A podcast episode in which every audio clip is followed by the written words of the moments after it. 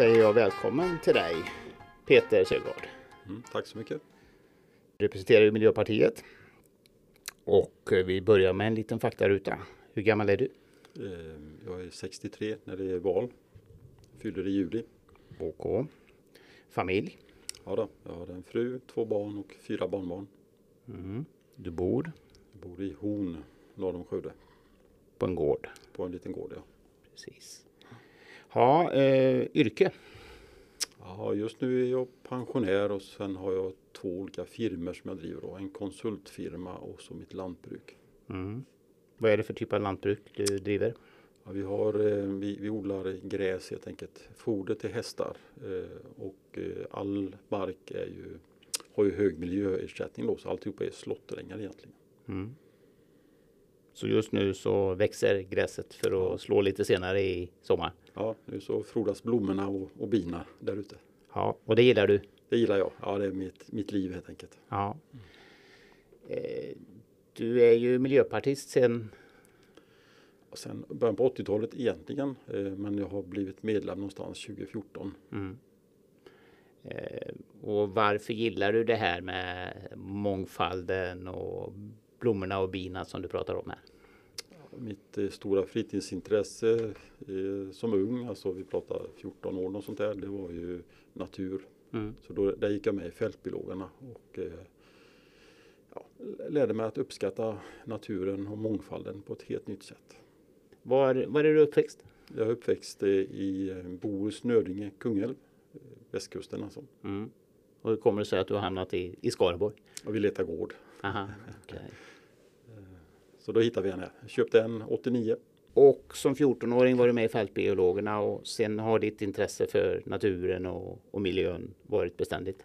Ja, jättebeständigt då. Jag mm, utbildade mig till kemist först för att förstå det här med ja, kemikalier och miljöstörningar lite grann. Eh, jobbade som kemist på ett eh, stort kemibolag i, i Bohus där, Eka heter det. Mm.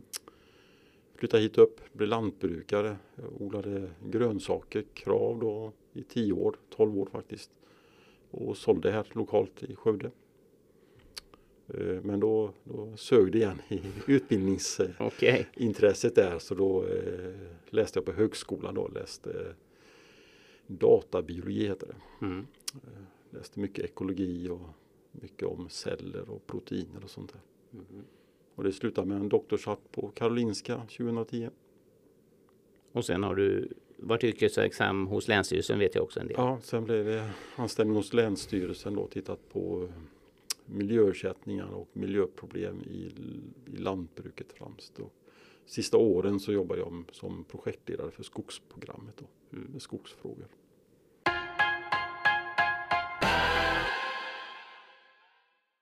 Hur, när du ser eh, miljöfrågan globalt idag och du ser vad som händer, vad, vad känner du då? Alltså det är ju väldigt tvetydigt. Jämför man med 70-talet och början på 80-talet så är jag oerhört glad vilka framsteg vi har gjort, hur medveten man är. Ser jag på hur det faktiskt ser ut så är jag oerhört ledsen att det inte händer mer nu när vi är så medvetna. När vi vet så mycket mer. Ja, Ja. Vad är det som är är positivt? Vilka, vad är det vi har förbättrat sedan 70 80-talet? alltså vi, vi har ju blivit av med svavlet i luften helt enkelt. Det är väl en jättestor grej då. Eh, oljeeldningen i lokala pannor har försvunnit. Då. Eh, men det som är egentligen det stora positiva är att eh, företag då, industrin ställer om då. Så vi i kommun och region och, och riksdag egentligen då, vi, vi ligger lite bakom. Vi hinner inte riktigt med. Nej. Så det är positivt. Att liksom industrin och så här, företagen, de, de gör in, stora insatser idag. Ja det är de, jättestora. Eh, Så det, det är väl marknadskrafterna som driver det helt enkelt. Vi konsumenter, vi vill ha det hållbart. Och politiken ligger efter tycker du? Det tycker jag. Hur ska ni göra för att peka ut riktningen ännu bättre då? Alltså det enkla svaret är att Miljöpartiet blir större. Eh, Eller att fler lyssnar på Miljöpartiet Ja. på ett mer konkret sätt. Hur går det då? Ni kämpar ju med era opinionssiffror. Ja, det, det, det gör vi. Och, ehm, men men jag, jag ju tillförsikt. Jag, jag, även på riksdagsplanet så tror jag att vi, vi är lätt är med i riksdagen. Alltså. Det tror du? Ja, det tror jag. Det, det har ju inte kommit någon signal om att det vänder för den opinionsmässigt än riktigt. Nej, men det, det, handlar ju lite om de frågorna som är aktuella för dagen man mäter. Alltså. Mm. Och det har, ju, det har ju varit elände då med krig och höga elpriser och höga bränslepriser. Och, ja. Mm. Du sa att du såg positivt på, på utvecklingen när det gäller vissa saker. Vad är det som, du gör, som gör dig ledsen när du ser utvecklingen kring miljön och det hållbara samhället? Ja, det är ju egentligen de politiska besluten då, där vi går åt andra hållet då.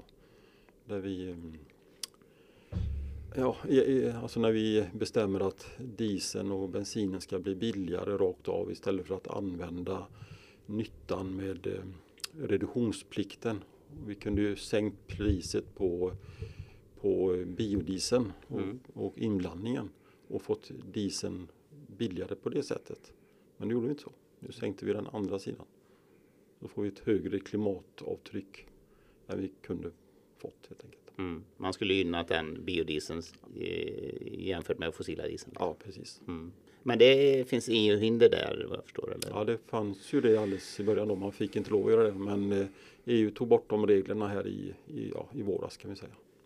Så Sverige skulle kunna gå en annan väg? Sverige hade kunnat gjort det. Mm. Du har ju skrivit upp eh, en, en mening eller ett budskap här som jag vet alla parti, lokala partiledare tar med sig. Vad, vad har du valt för strof? Ja, våran strof är det hållbara samhället. Alla skall med. Och om du får utveckla det då, vad, vad innebär det? Ja, alltså när vi ställer om samhället till, ett, eh, till mer hållbart då, alltså mindre klimatpåverkan, mera miljöhänsyn då, så kommer det att drabba enskilda människor. Mm. Det, en del jobb kommer att försvinna, nya kommer att skapas, men det, det, blir en omställning då. Och då får man inte tappa någon bakom, så alla, alla ska med. Alltså. Så vi måste ha förståelse, bland annat för landsbygden då, som får dra ett större lass i och med att dieselpriserna då, vi talar om speciellt, blir högre. Eh, så där måste man ha, ha lösningar från samhället då som hjälper dem och gör att det blir enklare och, och lika bra helt enkelt att leva på landet. Mm. Är det utifrån att du själv bor på landet eller var, varför lyfter du detta? Nej det, nej, det har inte med, med mig personligen att göra eh, på något sätt utan det, det är nog mest att eh, jag är sån. Jag tycker att alla ska med. Det ska mm. vara jämlikt och det ska vara jämställt så, så bra det går att få åt. Mm. Mm. Så vad är det som inte är jämställt med den linjen, väg vi går nu då? Alltså den, den, som kommer att drabbas i framtiden av, av nackdelarna med klimatförändringarna är ju landsbygdsbon främst då. Antingen man bara bor där ute eller om man driver ett företag då som är land och skog då, eller jordbruk och skog så kommer man att få betydligt högre kostnader. Så vad är det för att liksom stoppa och förhindra den här utvecklingen? Vad är, vad är det viktigaste vi kan göra? Liksom? Alltså, I Skaraborg så handlar det om att släppa ut mindre koldioxid. Alltså mm. växthusgaser då, vi, vi, kallar dem koldioxid för enkelhetens skull. Men mm. så, det måste bromsas upp omedelbart. Och hur ska det gå till då som du vill se? Alltså det här med reduktionsplikten i, ehm, i bränslena var ju en bra idé. Alltså. Att sakta och säkert höja ribban. Pumpa in mer och mer samtidigt som produktionen ökar. Då. Mm. Eh, för det, det, är en begränsning också då att vi producerar inte så mycket biodiesel som vi skulle behöva. Då, men det finns ju fabriker som är på gång, stora fabriker. Det finns teknik som är utvecklad så man kan ha små fabriker. För att du är ju, påpekar ju här att, att bilen kommer vi ju inte vara utan. Den, den är ju viktig. Ja, vi måste ha transportmedel så att landsbygdsborna kan ta sig till och från både sina arbeten men affären och sånt där. Då. Mm. För vi har ju byggt fast oss i ett samhälle där vi bor på ena stället och jobbar på ett annat ställe, gärna långt bort. Mm. Och att vi handlar utanför stan i stora köpcentrum. Då. Och det är ju ingenting vi bara kan eh, ändra på. Den fortsätta åka bil men åka på ett annat sätt? Ja, alltså i, i, i nödfall så använder vi ju biodiesel, alltså olika typer av det, eller biobränslen. Det går ju med biogas och sånt här också. Men eh, cykel är bra. eh, kortare sträckor, kanske en mil kan man tycka är en rimlig sträcka att cykla en väg. Eh, men det är ju få förunnat att ha så nära till jobbet också mm. då. Så man, man måste ha en kombo alltså. Man måste kunna kanske samåka eller ta sin bil till en pendelparkering nära de stora stråken där bussarna går då. För de kan inte heller gå överallt på landsbygden. Vi vill inte ha tomma bussar. Eh, därifrån de här pendelparkeringarna är ju trevligt om det finns en cykelbana som man kan ha cykla när det är bra väder eller ta bussen när det så krävs. Fler cykelbanor och fler pendelparkeringar eh, ja. är liksom lokala frågor som ni driver? Ja, det är det. Mm. Du hade ett konkret exempel på det här eh, hållbara samhället alla ska med som du ville eh, dra. Ja, nå någonting som alltså, både gynnar klimatet, miljön, eh, landsbygden och eh, ja, staden då. Och, och, det är ju att man handlar eh, nötkött hållbart. Mm. Och eh, för, för, att förstå problemet med, med nötköttet då som har fått en väldigt negativ klimatstämpel på sig då för att de eh, rapar metangas egentligen. Då. Så, så, så, så ja, det krävs rätt mycket kunskap för att förstå problemet. Då. Men egentligen finns det två sorters kossor kan vi säga.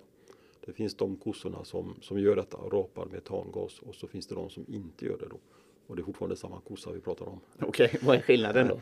Utan skillnaden är hur de, vad de äter för något och hur de äter då. Mm. Så den, den klimatsmarta kossan går ju på våra, på våra ängar och på våra naturbetesmarker i våra naturreservat. Äter eh, gräs då som inte är gödslat. Magert gräs. De växer saktare så man får ett produktionsbortfall på dem. Eh, de kossorna som är eh, mera klimatbovar då, de äter ju eh, gödslat vallgräs egentligen. Och de rapar också mera metan. Då. Så det är en stor skillnad. Men idag så blandar vi ihop det där i köttdisken som samma sak.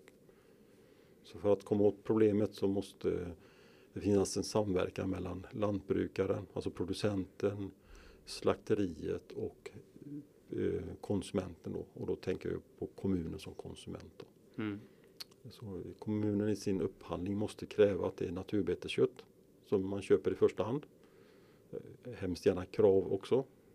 Men, men det är inte riktigt eh, det, det, det, är inte huvudsaken. Då. Slakterierna måste ha en sån produktion så att man kan spåra det hela och lantbrukarna måste såklart ha kossorna i naturbetesmarken. Mm det låter ju som att det är ganska få eh, bönder idag som har sina kossor på naturbete. Och, men, eller hur ser det ut?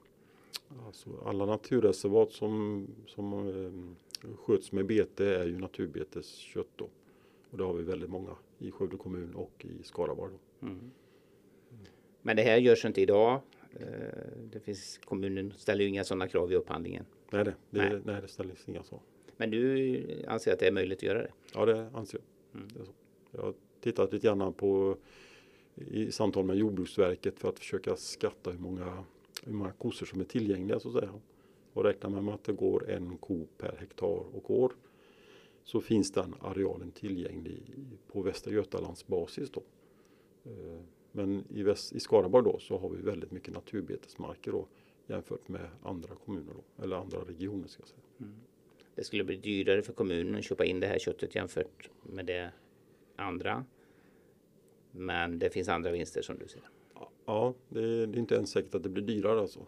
Eh, för vi har ju en liten kris i Ukraina där och Ryssland där de producerar eller ja, de producerar vårt konstgödsel där som är en insatsmedel som är helt nödvändig för den eh, ja, klimatfarliga kossan då. Det är våra vallar där vi gödslar med konstgödsel. Då. Och det ser man ju kommer bli jättemycket dyrare då. Har det redan blivit. Har redan blivit. Mm. Ja, och det kommer bli ännu mycket dyrare kan jag säga. Mm. Eh, och det är ju eh, det, det, kanske jämnar upp den här prisskillnaden lite grann. Då. Är det här en fråga som ni kommer ta upp i valrörelsen? Ja. Mm. Vad är det mer för frågor som Miljöpartiet kommer lyfta i, i valet i Skövde? Ja, vi vill ju att man skyndar på eh, utbyggnaden av cykelbanor. Vi vill att man eh, i alla våra satellitsamhällen som vi kallar dem ibland, alltså Värså, Sigelstorp och, Stöpen och så här. att man ser till att det finns ett lokalt cykelnätverk där inne. Då. Det ska kunna gå för att eh, för de barnen och, och människorna som bor i de här mindre samhällena så ska man kunna ta sig till sin lokala idrottsplats och sin skola då, i den mån det finns en utan att behöva åka bil. Mm. Man, ska, man ska kunna släppa sina barn på cykel så att man känner trygghet. Då. Och i förlängningen så ska ju de här satellitstäderna byggas ihop med Skövdes cykelnätverk då. Mm. Så att eh, vi vuxna då kan cykla till jobbet också. Idag går du cykla till Stöpen. Idag går du cykla till Stöpen. Mm. Skultorp. Ett stort. Ja, Skultorp. Ja, Skultorp. Ja. Mm. Ja, men inte Värsås. Nej. Inte, nej. Är det många som gör det? Vad är din uppfattning? Jag hade ju nöjet att fortfarande jobba på högskolan i Skövde när man byggde cykelbanan till Stöpen. Så jag cyklade på den eh, varje dag. Mm. Cykelsäsongen då, alltså någonstans april, oktober där. Men kollektivtrafiken då, vill ni göra något där?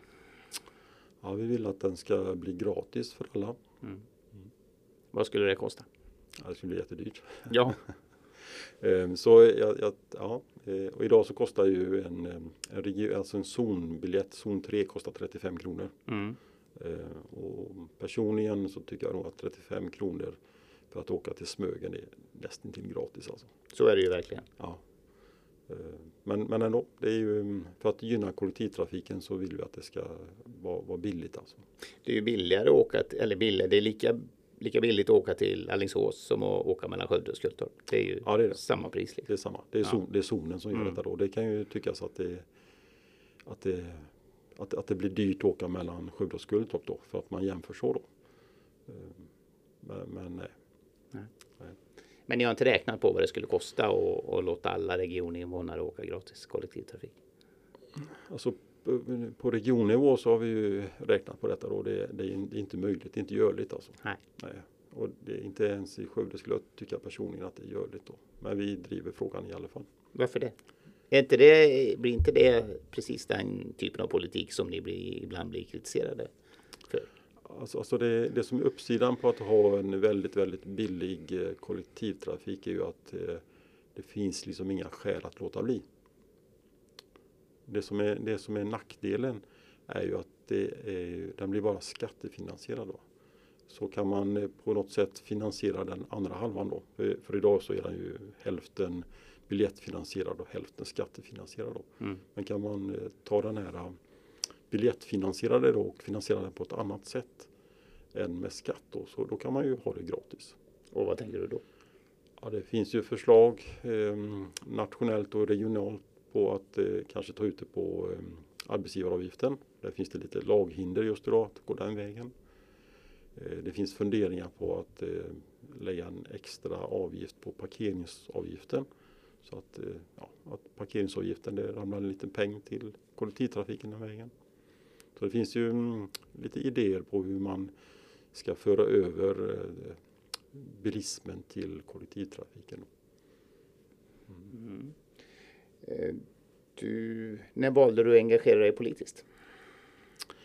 Det var antagligen 2013 tror jag.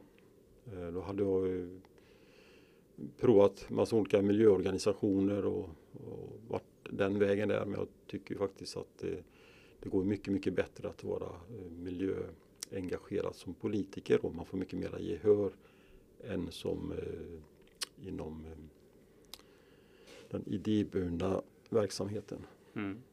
Var, så du har i stort sett varit engagerad i, inom Miljöpartiet här i, i, snart tio år. Då. Tycker du att du har fått gehör för det, dina åsikter då? Ja. Mm. På vilket sätt? På vilket sätt? Eh, jag sitter ju i, i Stadshus AB då, och där har jag drivit frågan att eh, när vi tittar på eh, årsboksluten då så, så är det ju det är bra att titta på ekonomin då. Men man bör ju titta på de andra hållbarhetsfaktorerna också. Mm. Eh, så där tittar vi även på de ekologiska och sociala nu då. Vi tittar på Agenda 2030. Då. Mm. Eh, och där är ju Skövdebostäder ett föredöme då med, med, sin, eh, ja, med sin redovisning då. Och de andra bolagen är på gång.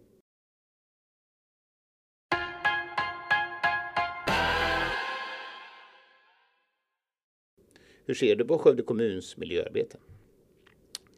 Ja, jag ser att det finns ett stort engagemang då eh, bland tjänstemännen. för miljöarbetet och klimatarbetet. Och det är ju riktigt så att man blir, ja, man blir jätteglad faktiskt. Eh, ty tyvärr så hänger ju inte vi politiker riktigt med. Alltså. Vi, är ju, vi ligger lite efter där. Vi har lite svårt att ta de rätta besluten så att vi kommer framåt. Och vad är de rätta besluten? Vi kan ju titta på plaståtervinningen som ett sådant. Eh, energibolaget är. Eh, vi tycker att man ska återanvända plasten helt enkelt.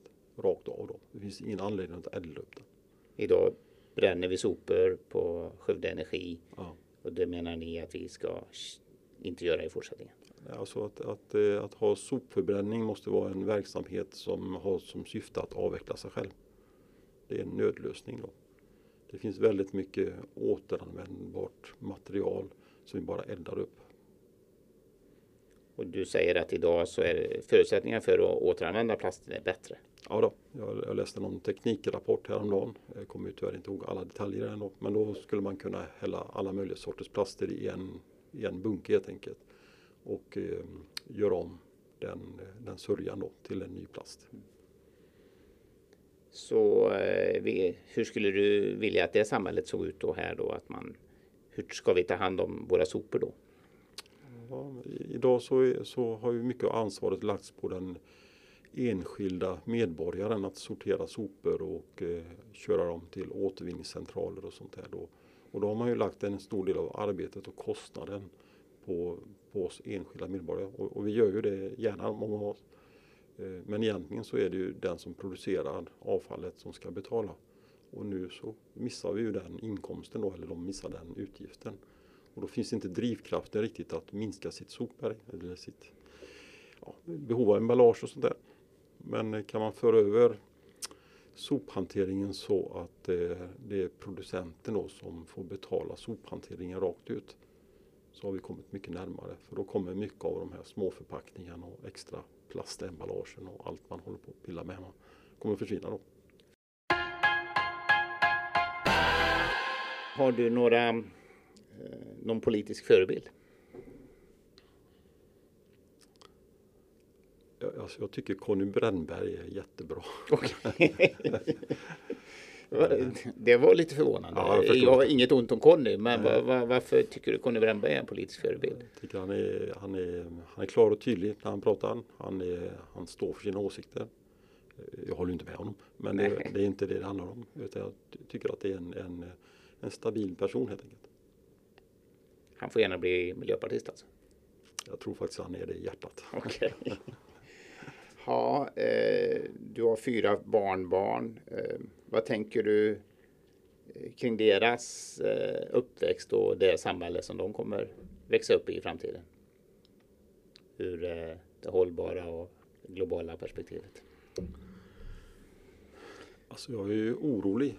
Ehm, eh, 99 när miljömålen för Sverige togs då, då hade vi tid på oss. Det var ju fortfarande jättebråttom. Men vi hade tid på oss. Nu börjar man prata om att 2030 måste vi vara nere till nollutsläpp och, och så, så pillar man på det då och så blir det 2045 och så pratar man netto noll istället som är något helt annat. Eh, och det verkar som om eh, vi har väldigt svårt för att eh, ställa om då. Vi, vi, vi är trygga med det samhället vi har levt då där vi konsumerar alldeles på tok för mycket. Då. Mm. Så jag, jag, är ju orolig för deras framtid på det sättet. Då. Men samtidigt så ser jag ju ett jättelikt arbete som industrin gör. De, de går ju liksom långt före oss politiker och ställer om. Så konsumentkraften har ju gjort att eh, vi har kommit mycket, mycket längre än jag trodde var möjligt. Mm. Har vi fått med alla lokala frågor som Miljöpartiet eh, kommer driva i höst eller är det något ytterligare du vill lyfta här? Ja, vi, vi tycker ju det här med vård och skola också är lite viktigt då. Eh, den kommunala skolan och kommunala eh, vård och omsorgen då. Ehm, så i skolan så vill vi hemskt gärna ha mer personal då. Vi kan tänka oss ett tvålärarsystem som, som gör att våra elever då får en bättre utbildning och en tryggare uppväxt. Två lärare i, i varje klassrum? Precis. Ja, det är ju det här med vården också. Då. Alltså mm. äldrevården då. Vi, vi, vi ser ju, vi, vi, kan ta ett litet konkret problem där som, som vi varit inne på. Eh, det är ju arbetsmiljön för, för personalen där på sommaren när det är varmt. Då är det egentligen bara Ekedal, den nya Ekedalen som har kyla i sina lokaler. Mm. De andra har det inte. Det kan vara ja, 30 lätt inne i lokalerna där personalen ska vara hela dagen. Eh, Jag har jobbat mycket på kontor och vi hade aldrig accepterat detta kan jag säga. Nej. Men Eh. vårdpersonalen får göra det. De får göra det. Eller omsorgen. Omsorgen får göra detta. Mm. Ja. Och de gamla är tvungna att ligga där. Så det är, liksom, det, det är, det är ju kass helt enkelt. Eh, Så vi, vi vill att man installerar kyla helt enkelt. Och solceller då, men jag har nästan förstått att det är, man är hemma på solcellerna. Mm. Och det är bra då att kombinera då lokala små kylaggregat med solceller. Att de producerar el samtidigt som elen behöver konsumeras. Så det blir en, en hållbar lösning. Det är en hållbar lösning. Eh, ska vi säga så Peter? Så säger vi. Tack så mycket för att du kom. Ja, tack så jättemycket för att komma. Tack.